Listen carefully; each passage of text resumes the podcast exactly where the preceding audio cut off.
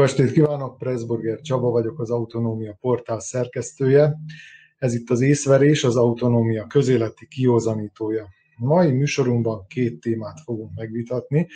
Pontosabban egy interjúról beszélgetünk, annak a témáit vitatjuk meg, illetve kommentáljuk, és egy másik témáról is beszélünk, amelynek ehhez az interjúhoz nincs köze, de ami foglalkoztatta az elmúlt hetekben nem csak a balkáni régiót, hanem talán mondhatjuk egész Európát is. Tehát konkrétan Pásztor Istvánnal készült interjút fogjuk elemezni, illetve kommentálni, amelyet a Vajdasági Rádió és Televíziónak adott, azért, mert hát ha hiszik, hanem az újságíró kérdésekkel provokálta a politikust, és valóban olyan témák vetődtek föl benne, amelyeket már lehet, hogy itt is érintettük a műsorban, vagy amelyeknek valamiféle valódi aktualitásuk van.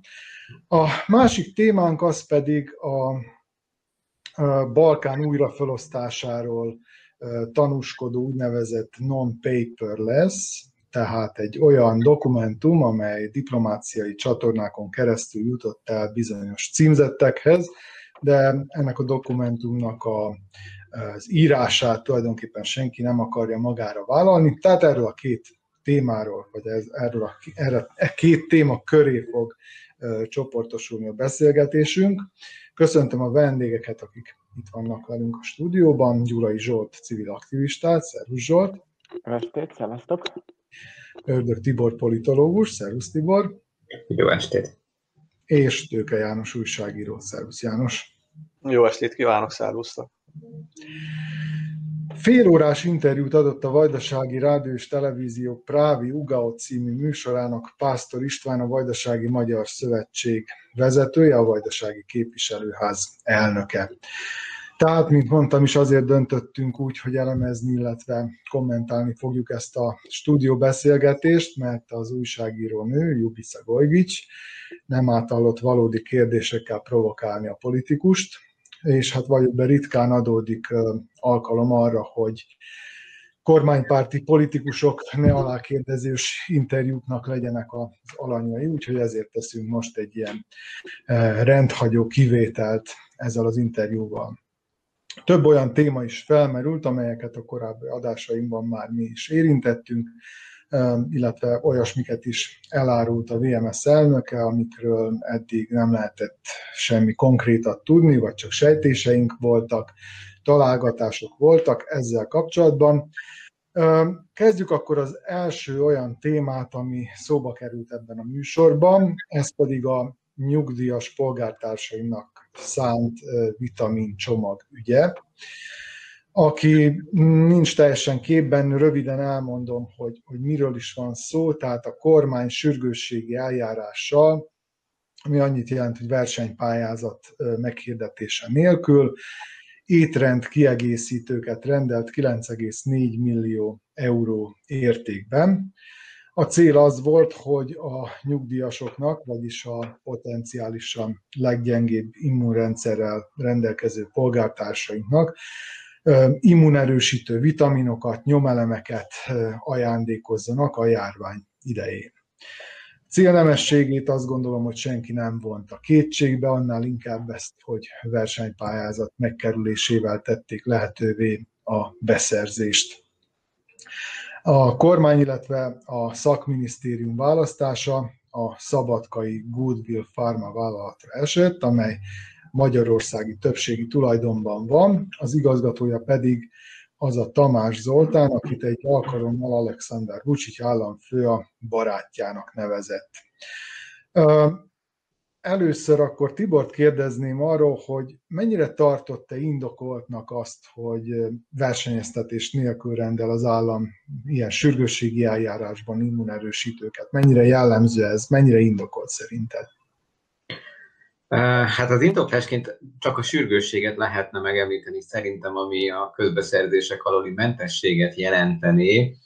Viszont itt nekem felmerült a kérdés, hogy ez mennyiben sürgős, és mennyiben pont most kell a vitamincsomagot kiküldeni a, a nyugdíjasok számára, mert hogy azért egy éve már nagyjából olvasható, hallható volt hasonló, hogy mely vitaminokkal könnyebb talán megelőzni, vagy amelyek segítenek, vagy úgy egyébként is nem árt, hogyha ha a vitamingazdag életben vannak az emberek. Tehát, hogy, hogy erre volt azért egy év is, hogy ezt a normál pályázati rendszerben is akár megtörténhessen, tehát a, a rendkívüli kivételességet én nem nagyon tudom megindokolni, azon túl, hogy valakinek most jutott eszébe, hogy akkor adjunk a polgároknak egy ilyen ilyen csomagot is, aminek egyébként nem utolsó sorban reklámhordozó felületként is jól fog szolgálni, illetve kampány eszköznek is nem utolsóként meg tud jelenni. A nyugdíjas szavazók esetében. Itt is van egy kis személyes törődés is, stb. stb.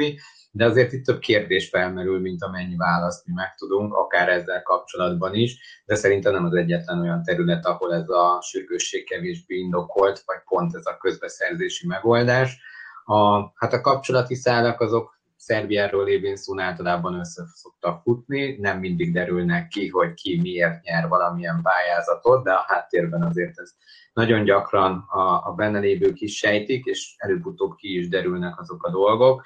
Úgyhogy én ezt, a, ahogy a bevezetőben is elmondtad ezt a sémát, ezt teljes egészében logikusnak is találom, hogy, hogy szándékosan történt ez a, ez a kiválasztás, pontosan azért, hogy más versenytársak esetleg ne tudjanak aláígérni, vagy ne legyen meg az a megoldás, hogy mégis a drágábbat választották ki egy nyilvános közbeszerzési eljárás folyamán, ami már azért kritikákat vethet fel, így pedig sokkal kevesebb a kritika is, ami megfogalmazódhat talán, ha nem tudjuk az árakat. Hát azt hiszem, hogy tudjuk a, a, az árakat, illetve hát ezt a konkrét árat tudjuk.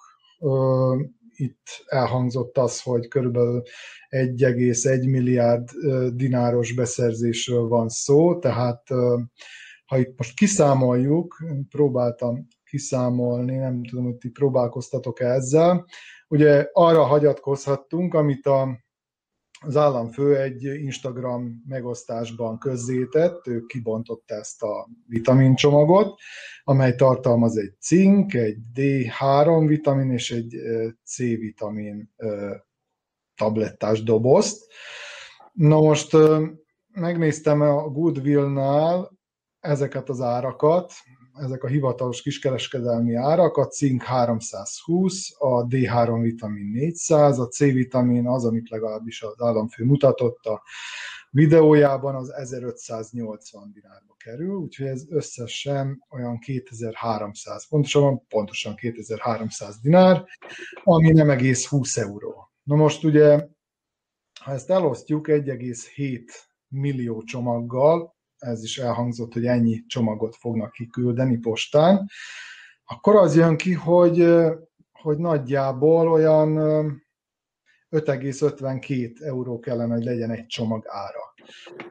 Magyarán sokkal kevesebbe kerül egy-egy csomag, mint amennyi, hogyha összeadjuk ezeket a vitaminokat. Magyarán háromszor vagy négyszer kisebb összegért szerezte be a, a minisztérium ezeket a vitaminokat. Na most ugye az ember mindjárt korrupcióra gyanakszik, amikor egy ismerős, vagy valakinek a barátja kap egy ilyen üzletet meg, de amikor utána számol, akkor meg azt látja, hogy itt valami furcsa korrupciós ügyletről van szó, mert pont fordítva van a dolog. Sokkal olcsóbban vette meg az állam, mint ahogy ez talán indokolt lehetett volna. Zsolt, te látsz ebben valami problémát, vagy te hol látsz itt valami kiskaput esetleg?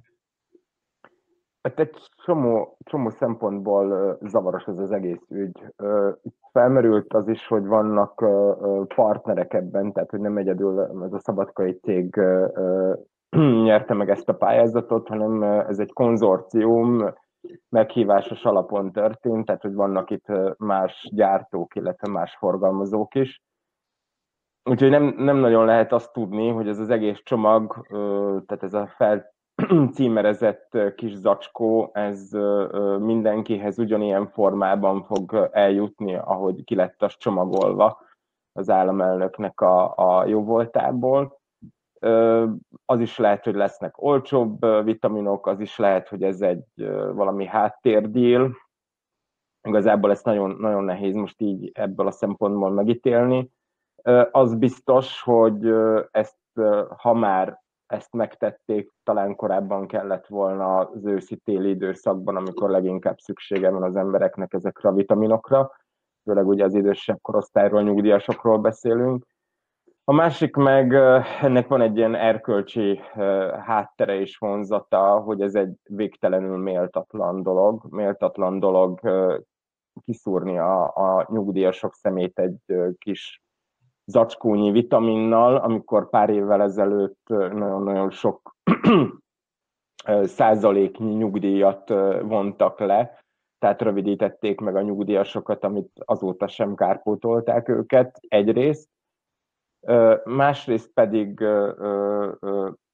tényleg azért is méltatlan, mert, mert ez nem egy fájdalomcsillapító, amit egyszer beveszek és elmúlik, ezt folyamatosan kellene szedniük, tehát ez a, ez a kis csomag, ez talán elég egy hónapra, és aztán mi van utána. Tehát, hogy ez egy egyszeri, egyszeri megalázása szerintem a nyugdíjasoknak.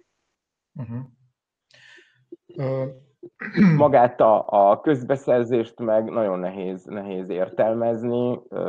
Próbáltam kisilabizálni a, a közbeszerzéseket összesítő szerb oldalon. Nagyon kevés az információ, kevés az információ a partnerekről és az egésznek a lebonyolításáról. Az egész zűrzavaros, mondjuk ki, az elejétől a végéig.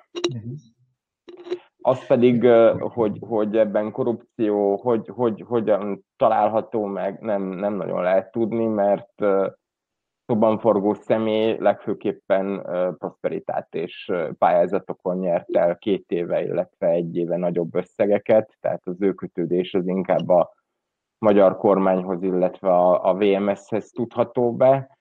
Most az, hogy ajándékozott az szilveszterre vagy karácsonyra egy, egy buta ajándékot az államelnöknek, azt meg tudjuk be egy régi kommunista berögződésnek, hogy ajándékot kell küldeni egy politikusnak. János, szerinted miért ad bárki ennyivel olcsóbban termékeket az államnak? A két szép személy? Igen, ez, ez jó kérdés. Közben én is nézegettem ezt a szétcsomagolt vitamin dobozt, és ugye most azt mondják, te is itt összeadtad a dolgokat, és viszont azt láttam, hogy a C-vitamin, ami ugye a legnagyobb tétel lenne ebben a dobozban, az csak kisebb adag, és csak 400 dinárba kerül. Viszont ha így összeadogatjuk, akkor is 10 eurónál vagyunk, vagyis még mindig, hát mondhatni azt, hogy 50%-os kedvezménnyel dolgozunk.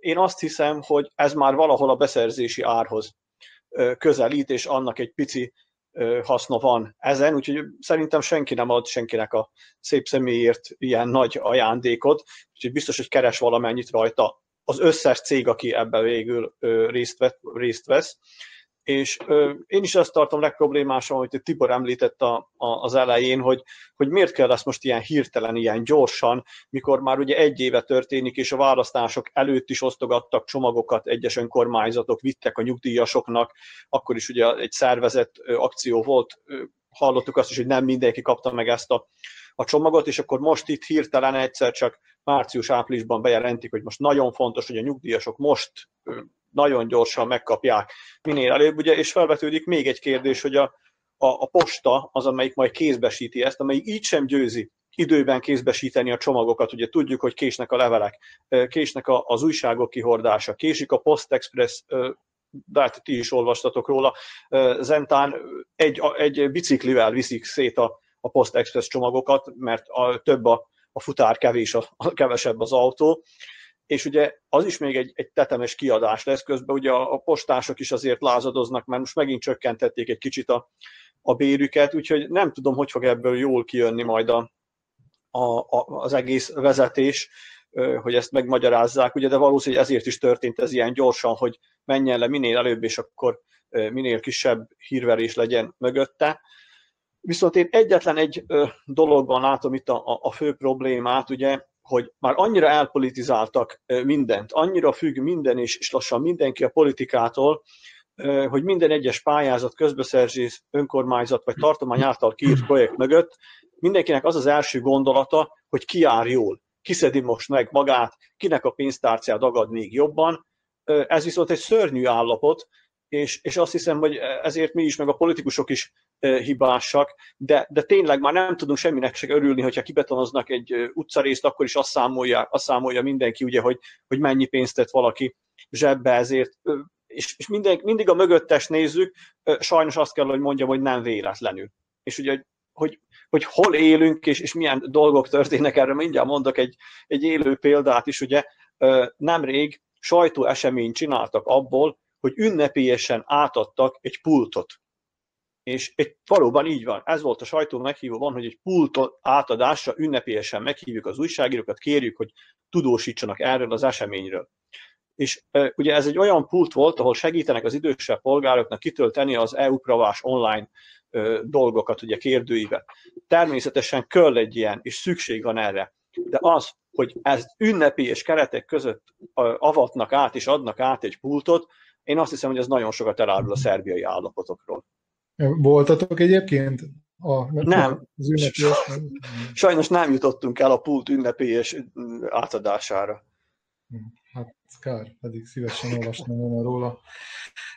Röviden arra kérnélek benneteket, hogy kommentáljátok még Pásztor Istvánnak az ezzel kapcsolatos mondatait. Megpróbál magyarul röviden lefordítani. Tehát annyit mondott, hogy viszonylag keveset tud erről az ügyletről, ugyanis az újságíró természetesen szembesítette ezzel a, ezzel a ezzel a beszerzéssel a politikust, és még annyit mondott, hogy ő állítja, hogy ennek az egésznek semmi köze a politikához.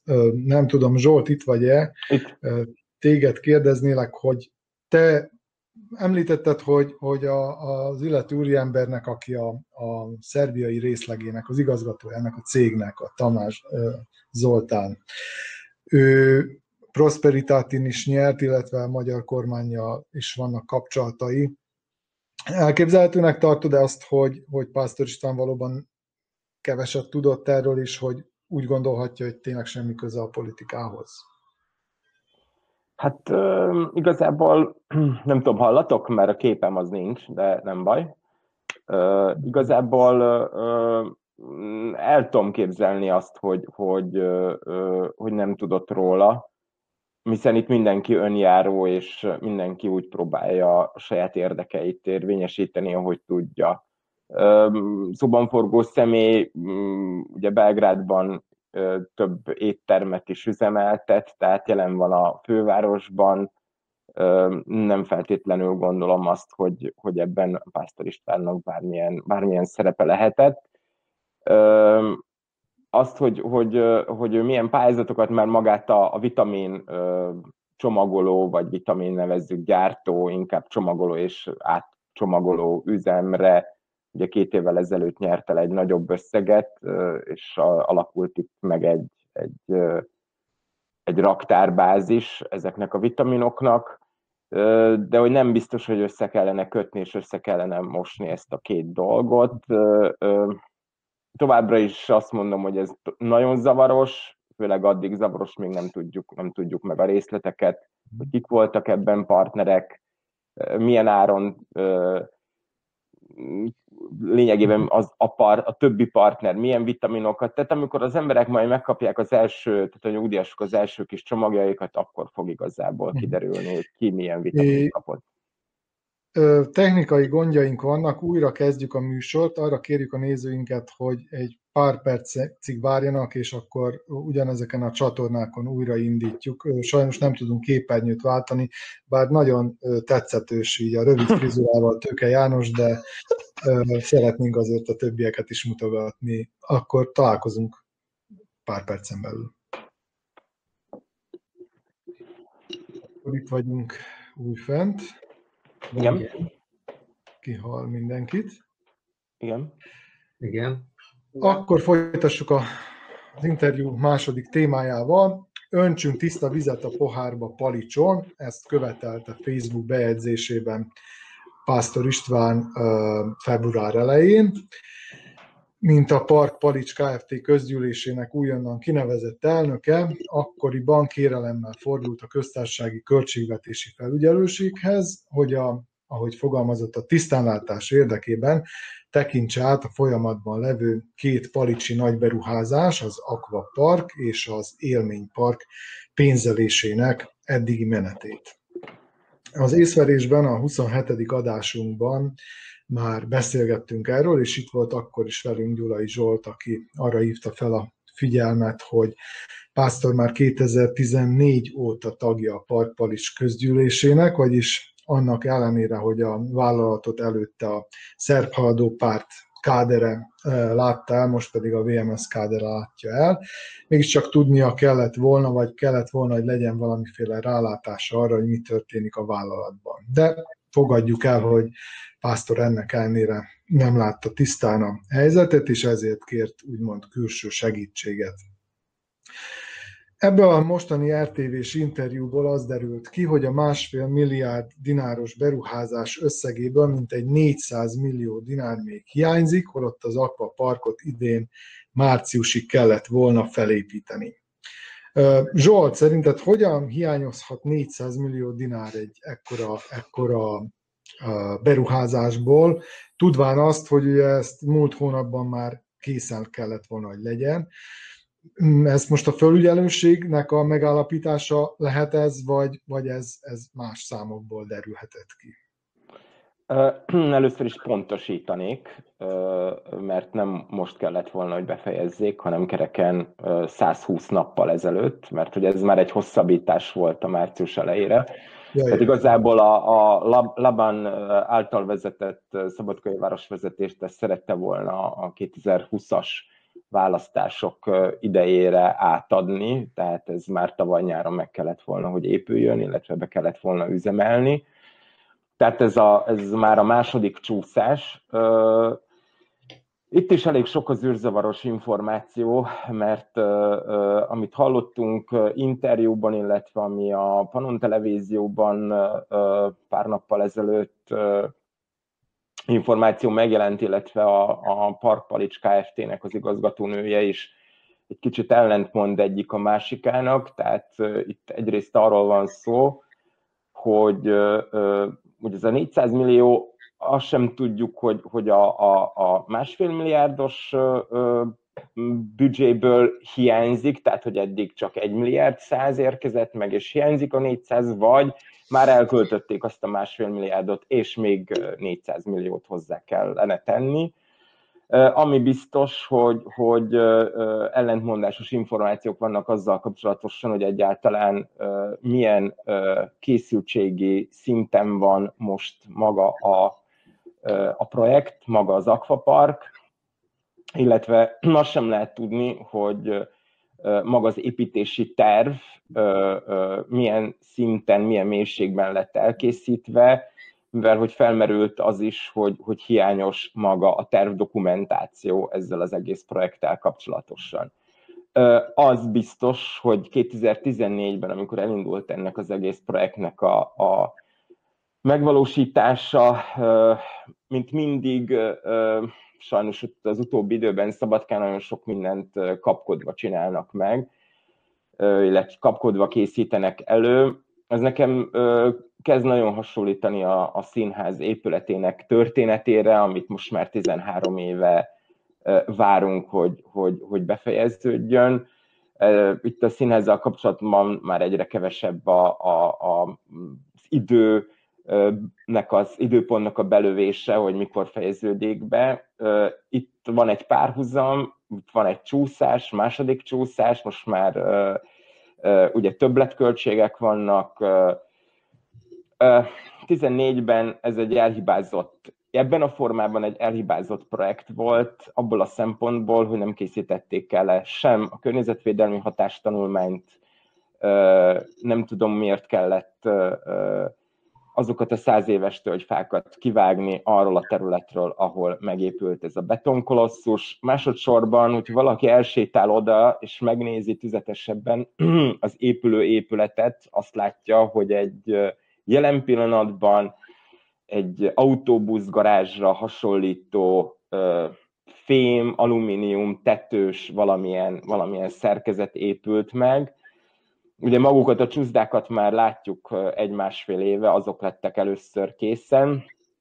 Egy nagyon érdekes párhuzamot húznék egy 2012-ben megvalósult Bács-Petrőcön, Bácski Petrovácon újvidéktől, ugye 50 kilométerre lévő dél-nyugat-bácskai településen, ahol egy szlovák befektető 20 hektáron építette meg a Petroland nevezetű akvaparkot. Az első ütem 8,5 millió euróba került, amiből három hatalmas nagy csúszdát, több medencét építettek meg. Ma már maga a, a, a Petraland egy 20 hektáros területen fekszik, és a teljes költségvetés ennek a beruházásnak megközelítőleg 20 millió euró volt de itt összesen hét nagy csúszda, tehát egy komoly csúszdaparkról beszélünk. Addig a Palicsi történet egy szűk három hektáros területen valósult meg, két csúszda és egy fedett valamilyen, valamilyen jellegű medencéket tartalmazó épület. Tehát, hogy itt ugye elköltöttünk 12,5 millió eurót, meg még hiányzik három, tehát ennek a költségvetése nagyjából 15-nél sem fog megállni. Itt, itt ebből a szempontból is kilóg a lólába, tehát hogy az előbb próbáltuk megtalálni a, a, a korrupciónak a, a vonzatát, hát itt szerintem biztos, hogy van. Az, hogy a, a, a Park Palics Kft. kért a pénzügyminisztériumtól egy, egy átvilágítást, nem a pénzügyminisztériumtól kell átvilágítást kérni, hanem egy független külső átvilágító cégtől, aki pénzügyi átvilágításokkal foglalkozik, mert az állam az államnak nem fogja azt mondani, hogy hú, hát itt rosszul költöttétek el a pénzt, mivel hogy tudjuk, maga a projekt köztársasági tartomány és városi költségvetési eszközökből valósul meg. Nagyon-nagyon-nagyon problémás azt, hogy, hogy nem látni most sem a végét. Tehát most ugye egy évvégi befejezésről beszélünk, de ugye jön a szezon, szezonban nem nagyon illik munkálatokat, illetve zajt generálni egy olyan részen, ahol, ahol turisták fordulnak meg.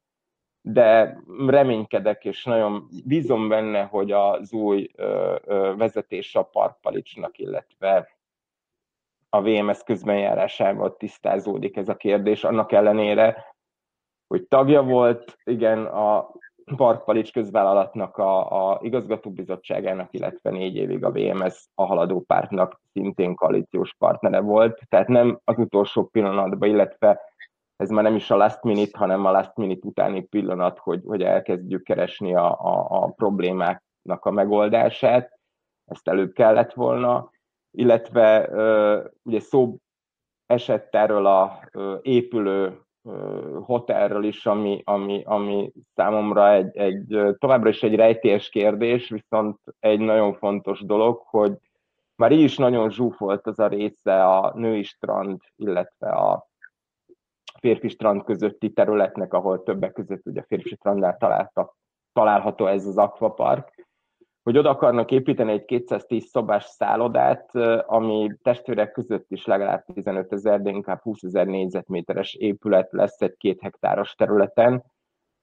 Tehát én nagyon bízom benne, hogy mielőtt belekezdenek ebbe a következő projektbe, bőven átgondolják azt, hogy mennyire lehet és mennyire kell tovább zsúfolni a Palics partját, illetve a Palicsi tó ennek ezt, ezt, övező, ezt övező részét. Uh-huh. Térjünk ki még akkor még két témára, ami ebben az interjúban szerepelt. Az egyik a vakcináció kérdés, a másik pedig a az Európai Unióhoz való viszony, vagy euroszkepticizmus, ezt is felvetette ott az újságíró.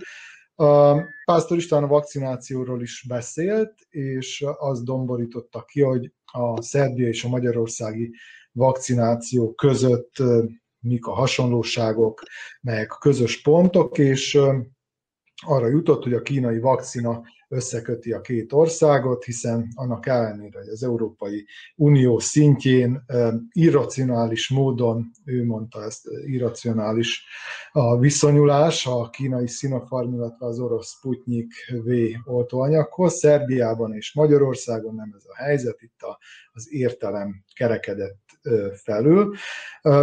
János, mi itt a műsorban már beszéltünk a vakcinációról, nem tudom, hogy te akkor éppen a vendégek között voltál de minden esetre azt gondolom, hogy mindannyian elismertük, hogy Szerbia legalábbis nagyon jól teljesít, ami a, a, az oltakozást illeti, de mégis, hogyha ilyen irracionális, racionális vonatkozásban kellene erről nyilatkozni, mennyire tartod irracionálisnak azt, hogy ahogy az Európai Unió ezekhez a vakcinákhoz, tehát az oroszhoz és a kínaihoz viszonyul? Igen, ugye helyén való a kérdés, de azt hiszem, hogy ezt valóban az Európai Uniónak kell elsősorban majd eldöntenie, és sokkal gyorsabban kellene ezen a szinten intézkednie, mert tényleg várnak az emberek, és nem tudják, hogy ugye mi történik, viszont az orvosoktól mindig azt halljuk vissza, hogy mindegy melyik vakcina, mindegyik hatásos, és, és be kell adni. Úgyhogy valóban egy, egy kicsit az Európai Unió lomhán mozog ezen a, a területen, és azt hiszem, hogy egy kicsit tényleg fel kellene per, pörgetni saját magát egy kis részecske gyorsítóval, hogy, hogy történjenek a dolgok, és akkor mondjanak át, vagy mondjanak B-t, mert az is jobb, mint hogyha nem történik semmi sem. Uh-huh. Jó, és akkor még Tibor hozzá egy kérdés az interjúval kapcsolatban. Itt elhangzott egy kérdés az újságíró részéről, hogy Pásztor István, mint hogyha most euroszkeptikusnak tűnne, ugye az Európai Parlamentnek az általunk is tárgyalt jelentésével, illetve az arra adott VMS-es, Fideszes kommentára kapcsolatban kérdezték, hogy miért ítéli meg ezt hát igazságtalannak, és ő valami olyasmi mondott, hogy nem szkeptikus, nem euroszkeptikus, csak egyszerűen realista. Miben mutatkozik meg szerinted a VMS realizmus az Európai Unióval összefüggésben? Hát, hogyha az interjúban nézzük, akkor realizmus talán az lenne, ami arra vonatkozik, hogy Pásztor István szerint, illetve a Fidesz, illetve a VMS egészen szerint túl olyan megfogalmazások is vannak ezekben a dokumentumokban, meg elvárások a szerbiai csatlakozással kapcsolatban, ami nem a realitás talajánál, és túlzott kritikákat fogalmaznak meg, ezért inkább vissza kellene térni a realitás talajára, ami még megfelelő lenne, úgyhogy ez egy kritika is az Európai Unióval szemben, ami egyébként beleillik az említett dokumentumokba, meg hozzáállásokba is, hogyha megfigyeljük az elmúlt hónapoknak ezt a tolódását, ami miatt inkább realistának nevezni magát. Én nem ezt a szót használnám erre, ami, amire gondolhatott az elnök. Ez inkább egy pragmatikus hozzáállás lehetne, viszont itt vannak fontos elemek, amelyek hiányoznak. Én nem vetem el az euroszkeptikus kifejezést egyébként, mert hogy szakirodalom szintjén az egy, ez egy pozitív, optimista európai hozzáállás, csak javítani szeretnénk rajta a megfelelő módon az Európai Unión akár, hogy vannak ötleteink, hogy jobb legyen még, de alapvetően egy EU pártiak vagyunk, míg mondjuk ez a realista hozzáállásban ennek már inkább egy negatív vonzata van, ami, ami az EU-val szemben inkább ellenállásokat szül. Ez nem a végkimenetel, hogy EU ellenesek vagyunk, csak hogy azért vannak negatív kritikák is, ami megfogalmazódik, úgyhogy én jobban örültem volna, hogyha euroszkeptikusságot inkább választanak, bár érdekes ez az eltolódás, ami mondjuk évek óta már megtörténik, kezdetben, mikor elindultak a csatlakozások, mennyire az Európai Unió pártiság volt az, ami a VMS részéről pont a kisebbségi sors következtében előtérbe került, és mennyire jutottunk el odáig most, hogy a másik oldalon már kritikákat fogalmazunk meg az Európai Unióval szemben, olyan elvárások miatt, amelyek a demokrácia jogállamiság kérdései, tehát nekem egy kicsit furcsa ez az érvelési rendszer, nekem nagyon a Fidesz sablonéra hasonlít, mint meg annyi máskor is, hogy ugyanazok a panelek jönnek elő, ugyanazok a, a védelmi retorikai elemek, úgyhogy ezek nekem elég érdekes hozzáállást nyújtanak, hogy az EU integrációban mit szeretnének elérni. És csak egy mondat még a vakcinára visszamenőleg, hogy én úgy tudom, hogy az oroszok, illetve a kínaiak sem jutották még el az Európai Gyógyszerészeti Ügynökséghez azt a dokumentumanyagot, ami ahhoz szükséges, hogy egyáltalán az Európai Unió esetében ezt ki tudják mondani közösségi szinten és nem tagállami szinten. Tehát addig az EU nem nagyon tud mit lépni, ameddig nincs meg egy hivatalos gyógyszerészeti szakvélemény az Unió részéről arról, hogy ez megfelelő vagy nem megfelelőnek tartják, addig nem tudjuk elvárni, hogy, hogy lépjenek ilyen irányba sem. Az pedig, hogy kétségbe vonják, hogy Szerbia és Magyarország milyen alapon döntött, én még mindig remélem és hiszek abban, hogy, hogy szakmai alapon történt, és nem politikai ráhatás alapján, hogy ezek az oltások történjenek meg. Nekem is a családomban többen a kínai vakcinát kapták, vagy akár az oroszt, vagy még fogják is kapni. Semmi problémájuk nem volt. Ez, ez egyébként egy gyógyszerészeti eljárási kérdéskör, ami az uniónál is pattog, hogy eldöntsék, hogy kell vagy nem kell, vagy megfelelően én ott nem látok politikai alapon benne semmit, amiért késekednének. Lásd a Johnson elfogadása is azért megtörténik, tehát hogy ha nem nyújtják be, akkor nehezen fognak igent mondani nekik, ez egy alapvető probléma, tehát ha nem is akarják, akkor itt lehet mutogatni egymásnak. Pásztor István védelmében annyit mondanék, hogy ő nem azt mondta, hogy az Európai Unió nem hajlandó elfogadni ezt a két két oltóanyagot, hanem ezt a viszonyulást nevezte irracionálisnak, amelyet tapasztal, vagy amelyet lát. János jeleztet, hogy szeretné te is még a vakcinával kapcsolatban egy rövid hozzászólást. Igen, ugye annyit csak, hogy szóba került ez a szerb és a magyar kapcsolat a kínai vakcinán köröztül, és ugye tudjuk azt, hogy Orbán Viktor mondta ki először azt, hogy a szerb barátaink tesztelik nekünk ezeket a vakcinákat, először így került ez a köztudatba, és ugye most már ott tartunk Magyarországon, ez mai hír elég friss, hogy a kínai oltásért már fizetnek a házi orvosoknak, viszont a Pfizerért nem. Úgyhogy Magyarországon érződik ez, hogy továbbra is nagyon-nagyon szeretnék népszerűsíteni a, a kínai vakcinákat, és ugye tudjuk, hogy Szerbiában is azt hiszem pont a kínai volt az első, amelyet a legtöbben meg tudtak kapni ilyen formával, természetesen azért, mert ebből volt a, a, a legtöbb, és ebből kapta, szerezte be Szerbia a legtöbbet. De ha jól tudom, holnaptól, vagy holnap utántól már a Pfizerre is. Holnaptól, igen. igen. Így van. Akkor lépjünk tovább a másik témánk, ez az úgynevezett non-paper. Egy úgynevezett nem papír, tehát a felbukkanása okozott nagy felzúdulást az elmúlt napokban, a Nyugat-Balkánon, de azt is mondhatnánk, hogy Európa szerte ez a nem hivatalos, senki által nem látott, mindenki által letagadott, de a médiában mégis megjelent, megszellőztetett dokumentum. Többek között egy térképet is tartalmaz, amelyen kisé, vagy nem is kisé, teljesen át vannak rajzolva az országhatárok a nyugat-balkáni térségben. Konkrétan a boszniai szerb köztársaság Szerbiához van csatolva, Boszniának a horvát kantonjai Horvátországhoz, ami Boszniából maradt, az tulajdonképpen a bosnyák rész.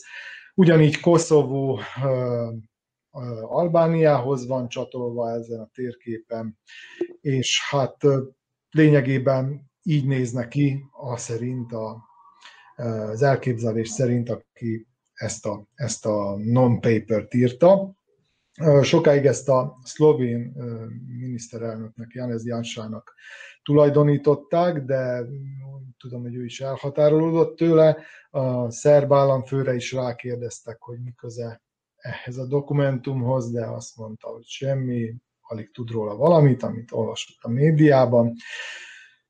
Az első kérdésem az volna hozzátok, Zsolt, Zsoltot kérdezném először, hogy kinek az érdeke tulajdonképpen az, hogy egy ilyen kérdést újra fölvessen egy lőporos hordónak számító térségben, amilyen a Nyugat-Balkán. Igazából ez a zavaros témák, meg a zavaros kérdések estéje, mert hogy igazából nem tudom, szerintem nem, jelen pillanatban senkinek sem, tehát még Koszovónak sem feltétlenül rövid távon nem érdeke az, hogy minél előbb Albániához csatlakozzon, és létrejön egy nagy Albánia, tehát a koszovóiakban is megvan az önrendelkezéshez való vágyuk, tehát egy saját ország.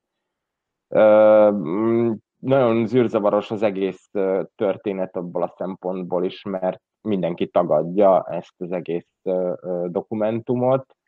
Azt tudni kell, hogy a Szlovénia ugye második fél évben soros elnöke lesz az Európai Uniónak, ilyenkor szokták előzetesen elküldeni azok az országok, akik a következő elnökséget bonyolítják le, azokat a programokat, terveket, hogy miről szeretnének beszélni.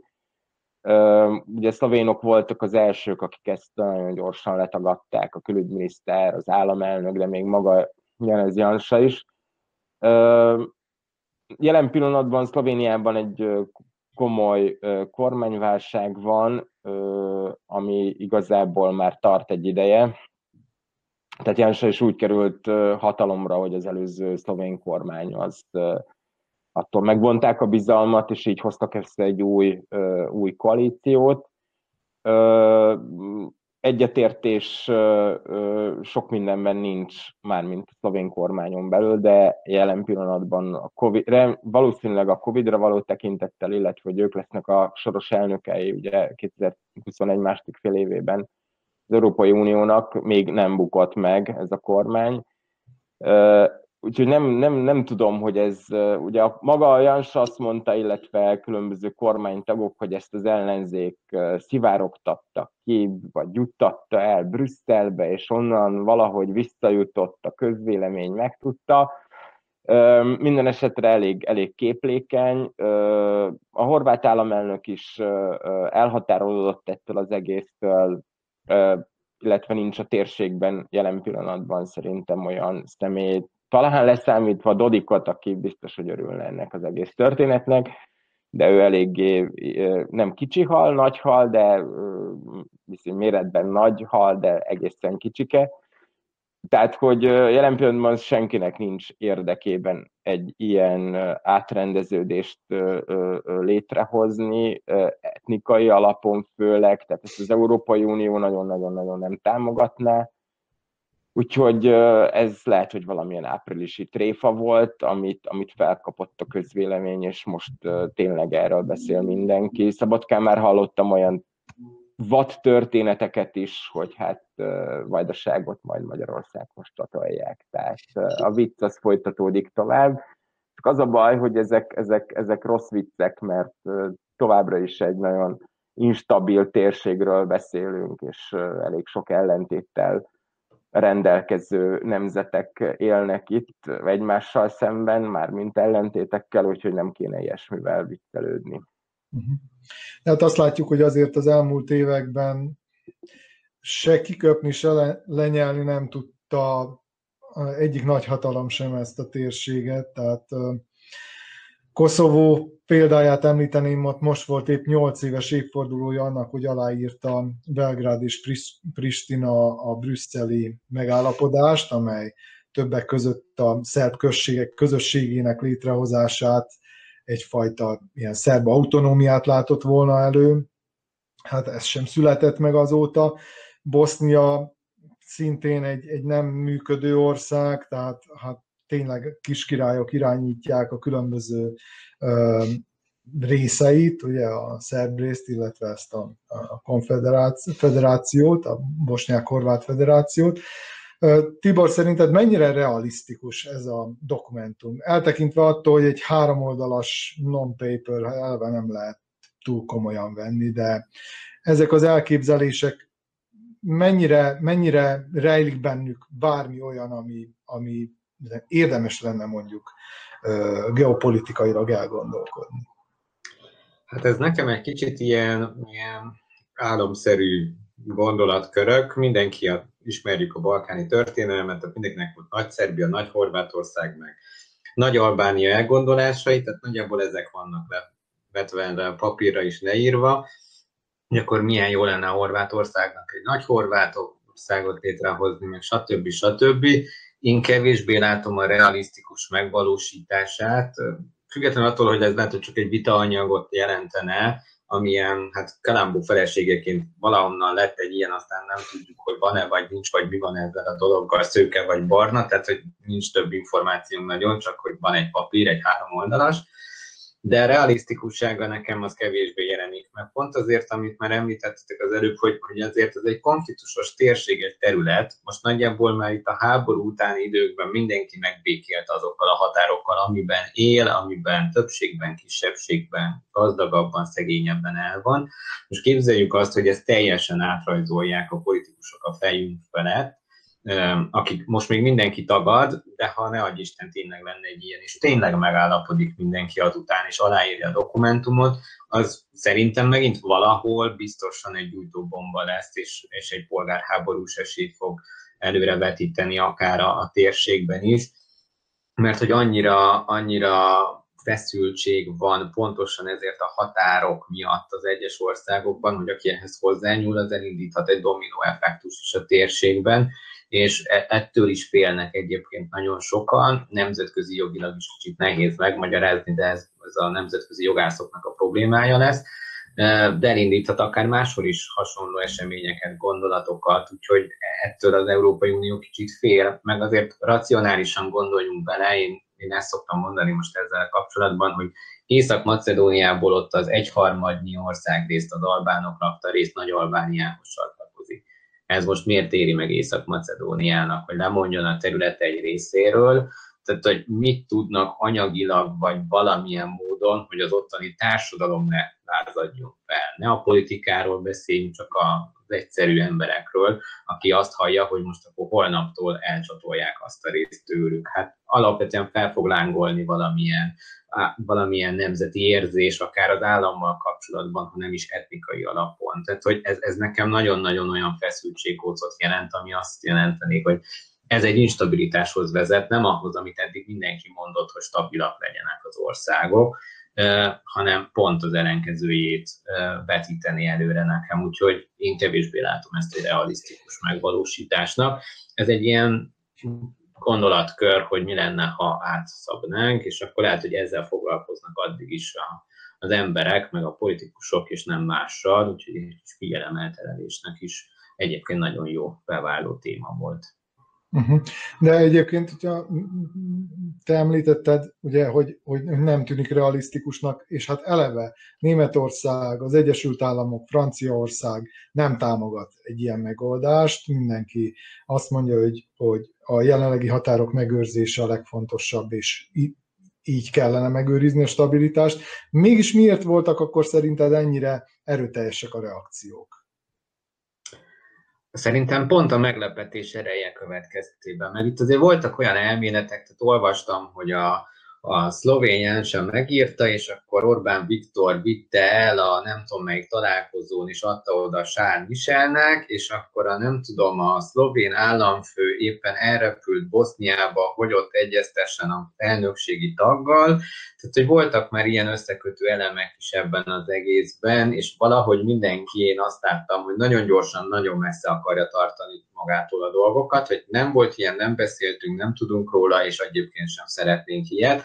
Tehát alapvetően ez a reakció megvolt, hogy, hogy mögöttünk ott vannak az emberek, a népek, a, a, meglepetés is akár, még ha igaz is, hogy tényleg voltak ilyen háttértárgyalások, azért az óriási nyomást is helyezne meg akár, akár ezt tüntetéseket is a politikusok mögé, akik elveszítenék a, a támogatói körüket. Tehát, hogy ha akarnának is egy ilyet, én azt a taktikát választanám, hogy szép lassan kellene felépíteni ezt az egészet, hogy, hogy a társadalom is akár megszokja, tudatosodjon, halljon róla, és majd egyszer hogy Isten elfogadja ezt. Hát ez Koszovó és Szerbia között lehetne egy játék, ahol már látunk hasonlókat retorikában legalábbis, hogy azért enyhült az a feszültség szóban, ha ezt hosszan csinálnák, akkor érteném, de így nagyon gyorsan mindenki eldögte magától ezt, és, és olyan jó oldalra próbált állni. Tehát nem tudjuk, hogy ki írta még mindig, úgyhogy ez mindig egy nagy talány lesz szerintem. Tehát, hogy jól értem, akkor te ezt egy ilyen próba lufinak uh-huh. érzed alapvetően.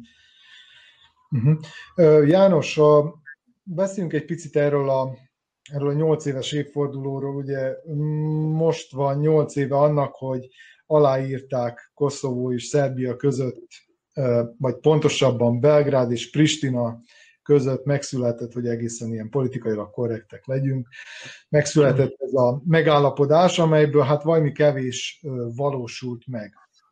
és hát ugye a mai retorikája a szerbiai kormánynak, illetve mondjuk inkább a hatalomnak, mondjuk inkább Alexander Vucicnak, az, az hát úgy tűnik sokkal keményebb a Koszovóval kapcsolatban. Ugye korábban elhangzott tőle olyasmi is, hogy hát itt nem, nem lehetünk, nem nyerhetünk ezen az ügyön, veszíteni fogunk. Szóval eléggé defetista volt, úgymond, legalábbis a szerb nemzeti érdekek szempontját, szempontjait figyelembe véve. Most viszont azt halljuk tőle, hogy ő soha nem lesz hajlandó elismerni Koszovó függetlenségét, tehát úgymond bekeményített.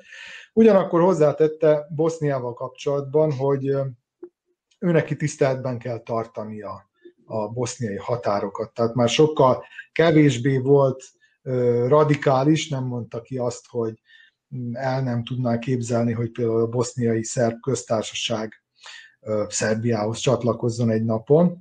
Te hogyan látod ezt a kettős beszédet? Hogyan értékeled Vucicnak a kijelentését, amit épp a non-paper kapcsán tett? Igen, ugye érezhető ez a hangrám változás Vucicnál, amit te is kihangsúlyoztál, és ugye ez egy kettős játék. Egyszer ezt mondja, másik részre meg mást említ, és nem szabad elmenni szerintem az a tény mellett, hogy Vucic bejelentette, hogy jövőre ilyenkor április harmadikáig választásokat fognak tartani Szerbiában.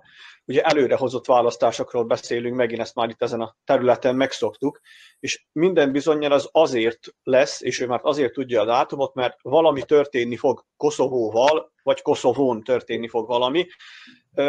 Fura ez a, a Vucicsi hang, nem? Mert ugye korábban tényleg állandóan ez volt, hogy hát sajnáljuk, le kell mondanunk, elveszítettük, majd elismerjük, és azóta ugye meg az van, hogy, hogy nem adjuk, nem ismerjük el, és, és ugye erről a non-paperre pedig visszatérve, amit kérdeztél, a többiek is, ahogy megemlítették, az biztos, hogy a határok átrajzolgatása a Balkánon nem megy háború nélkül.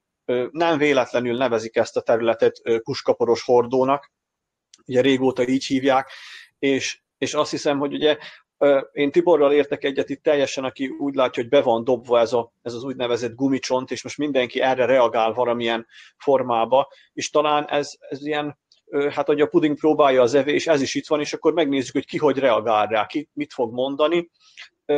Azt hiszem, hogy nem zörög a haraszt, ugye, hogyha nem fúj a szél, nem véletlenül került elő ez a dokumentum, és nem véletlenül ilyen hevesek a, a, a reakciók erre, de ahogy mondtam is, hogy ez ahhoz, hogy a határok átrajzolgatása, az, az nagyon nem jó megoldás lenne ebben a, a régióban, és azt hiszem, hogy itt inkább annak a Vucicnak hihetünk, aki a boszniai köztársaság felé mondja ezt, hogy hát nem tudja azt a területet magához csatolni, és ugye ezzel valahol egyet is ért azzal, hogy akkor az ő területese változzon ebben az időszakban.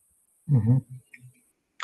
Uh, Tibor, itt a nem tudom, te látsz-e valamiféle új stratégiát a jelenlegi Egyesült Államokbeli adminisztráció részéről, amely a Balkánra irányulna. Tehát ugye Biden sokkal keményebb volt Koszovóval kapcsolatban, mint Trump, sokkal inkább Pristina párti, mint Belgrád párti, hogy így egészen konkrét legyek. De látsz-e valamiféle körvonalazódó stratégiát, amely amely visszahozná ebbe a régióba az USA-t, illetve az Európai Uniónak is valamiféle jelentősebb szerepét a térségben. Tehát bármi olyat, ami, ami mondjuk még amikor arról volt szó, hogy ez a régió egészében csatlakozhat majd egy napon az Európai Unióhoz, ehhez hasonló bármiféle olyan tervet vagy stratégiát, ami, ami segíthetne ezen a, ezen a Nyugat-Balkánon. Hát az a szomorú hírem, hogy nem látok egyik résznél sem olyat most, ami, ami ebben valami, valami erősödést jelenten ennek a két ország esetében. Eh, hát Amerikánál nem mindenki örült annak, hogy Biden győzött, ez nyilvánvaló volt, Szerbia sem nagyon neki drukkolt, úgyhogy eh, ennek eredményeképpen azért itt nem biztos, hogy egy feltétlenül jó viszony lenne, de én nem gondolom azt, hogy Biden pont ezektől tenni függővé majd akár egyik országgal is, vagy a régióval a kapcsolatát. Én azt látom, Amerika most egy kicsit kivár, tehát mintha nem tudnák, hogy mit akarnak csinálni a térséggel. A legutóbbi információ, amit hallottam, az talán Boszniához kapcsolódott, mert ott felmerült pont a Daytoni megállapodásnak most már a felülvizsgálata, az alkotmány véglegesítése, vagy egy új alkotmány elfogadása, ami még mindig tudjuk, hogy nem történik meg. És hogy ezzel kapcsolatban mondták azt, hogy Amerika nem szorgalmazza azt, hogy az alkotmányozásba, vagy bármibe is közreműködjön, vagy akár részt vegyenek ebben.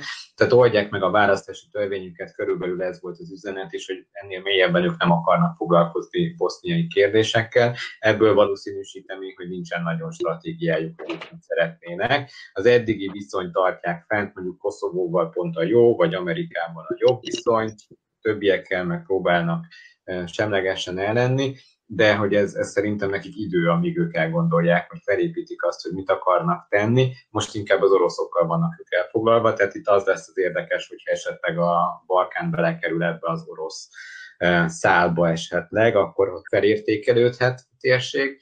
Hát az Európai Unió meg most a Covid-dal van elkeveredve teljes mértékben, én nem nagyon bővítésekkel semmi nem történt az elmúlt egy évben, nagyon nem is látom, hogy mi történne, mert hogy akár Montenegro, akár Szerbia nem nagyon teszi meg azokat a reformokat, amit elvárnak tőle, tehát hogy ez egy padhelyzet egy, egy éve, két éve már a térségben, és egyébként az látszik, hogy míg Amerika vagy az Európai Unió ebben a egy lépést előre, egyet hátra helyzetben van, addig jönnek a többiek. Itt az elmúlt hetekben is hangos volt Kínától a terület, hogy Montenegro éppen kapálózik, hogy valamilyen módon vízfelszínre tudjon jutni a hitele miatt, de hát ez a többi országokban is ugyanúgy ott van az arabok, tehát hogy ők meg jönnek, jönnek, őket nem érdeklik ezek a, a a dolgok, ami, a, ami értékek, európai értékek, stb. stb. Tehát simán gazdasági célzattal az EU meg nem hajlandó ezt megtenni, és ezért veszít pozíciókat egyébként politikai alapon is.